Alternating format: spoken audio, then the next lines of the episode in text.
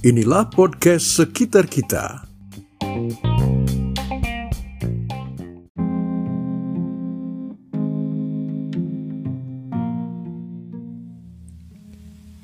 Apa kabar teman-teman? Senang sekali bisa bertemu kembali dengan Anda di podcast sekitar kita. Saya Diki, salam sehat untuk kita semuanya. Hari ini kita akan belajar dari kisah seorang pemuda yang hidup di Hawaii. Tidak seperti orang normal lainnya, ia hanya mempunyai satu tangan, tangan kiri, sedang tangan kanannya tidak ada sejak lahir. Dengan keadaan yang cacat seperti ini, ia sering dihina dan diolok-olok oleh temannya. Suatu hari saat pulang sekolah, si pemuda diejek dan dipermainkan oleh teman-temannya. Dan mereka menghinanya karena hanya memiliki satu tangan. Secara kebetulan, kejadian itu menarik perhatian seorang pria tua yang ternyata adalah seorang guru bela diri. Seperti kita tahu di Hawaii banyak orang keturunan Jepang yang ahli bela diri. Dan guru itu bertanya kepadanya, Apakah kamu mau kalau saya mengajarimu ilmu bela diri supaya kamu menjadi percaya diri? Mau, saya sangat mau, jawab pemuda itu dengan semangat. Akhirnya si pemuda cacat itu diajari satu jurus kuncian, dan ia diminta untuk terus mempraktekannya hingga berminggu-minggu lamanya. Pemuda itu terus-menerus mempraktekkan satu jurus itu saja. Pada minggu ke-16 ia merasa sudah cukup pandai lalu berkata, Guru, tolong ajarkan kepada saya jurus yang lainnya. Gurunya menjawab, praktikan jurus itu lagi. Sekarang belajar lebih cepat dan lebih kuat. Setelah beberapa minggu, kembali pemuda itu mengatakan, Guru, saya sudah ahli.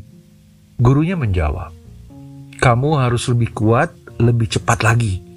Setelah itu kamu akan diberi lawan tanding. Tak lama kemudian sang guru bertanya, Apakah kamu sudah ahli? Kalau memang kamu sudah merasa ahli, selanjutnya kamu bisa praktikkan dengan lawan tandingmu. Ternyata jurusnya bekerja dengan sempurna. Ia bisa mengalahkan lawan tandingnya dengan mudah.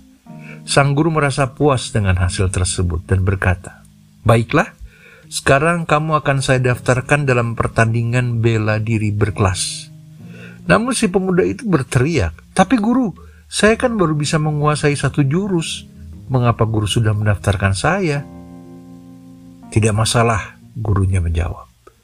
Si pemuda berpikir, kalau saya didaftarkan ke suatu pertandingan, mungkin nanti saya akan diajari jurus yang baru. Toh pertandingan masih 8 minggu lagi.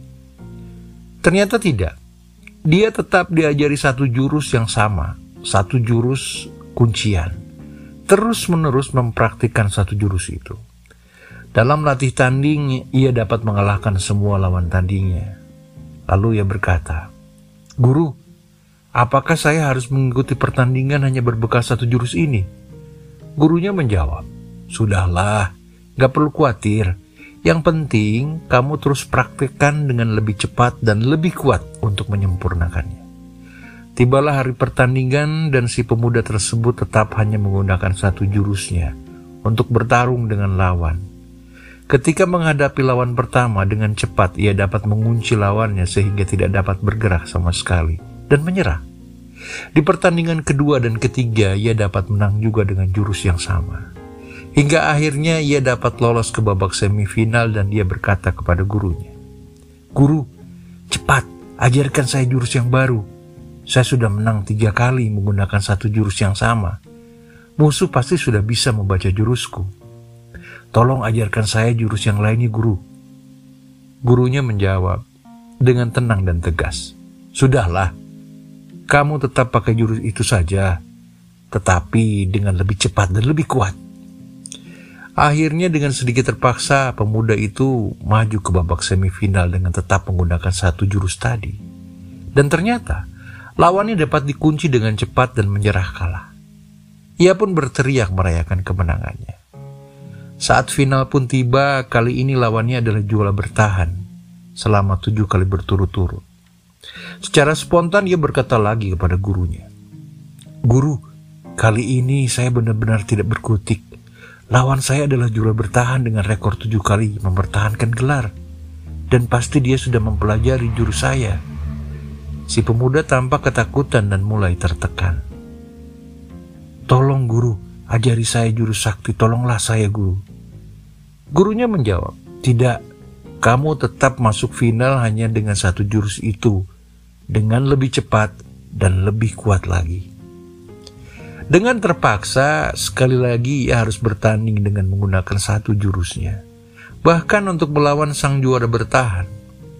Namun ternyata dalam waktu singkat, juara bertahan dapat dikunci dan menyerah kalah. Si pemuda merayakan kemenangannya dengan kegembiraan yang luar biasa. Malam hari ketika si pemuda tersebut pulang, ia disambut dengan pesta yang amat meriah bersama keluarga dan teman-temannya. Dan ketika semua orang sudah pulang, si pemuda menghampiri gurunya. Guru, saya tidak habis pikir, mengapa saya bisa menjadi juara hanya dengan satu jurus? Sang guru menjawab, ada dua hal mengapa kamu bisa menjadi pemenang. Pertama, teknik kuncianmu itu adalah teknik kuncian yang paling hebat di dunia bela diri. Sangat sulit diantisipasi. Apalagi kalau kamu dapat melakukannya dengan kekuatan dan kecepatan yang luar biasa. Kedua, teknik kuncian kamu itu sebenarnya bisa diantisipasi oleh lawan. Namun untuk dapat melakukannya, lawanmu harus memegang tangan kananmu. Sedangkan kamu tidak memiliki tangan kanan. Moral lesson dari cerita ini di balik kehidupannya yang sering mendapatkan ejekan dan olokan karena hanya memiliki satu tangan, pemuda cacat ini telah menunjukkan kepada kita bahwa dengan latihan yang rutin dan fokus pada kelebihannya, pemuda tersebut dapat meraih kemenangan dalam pertandingan bela diri. Di sinilah pentingnya kita menyadari akan kemampuan dan potensi yang kita miliki bukannya merasa rendah diri karena tidak bisa seperti orang lain. Yang kita perlu lakukan hanyalah fokus pada kelebihan yang kita miliki dan mengasah secara terus-menerus agar dapat kita manfaatkan sebagai keunggulan dalam kehidupan kita.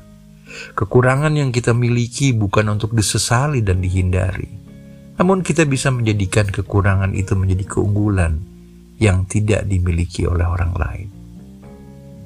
Semoga bermanfaat. Saya Diki untuk podcast sekitar kita.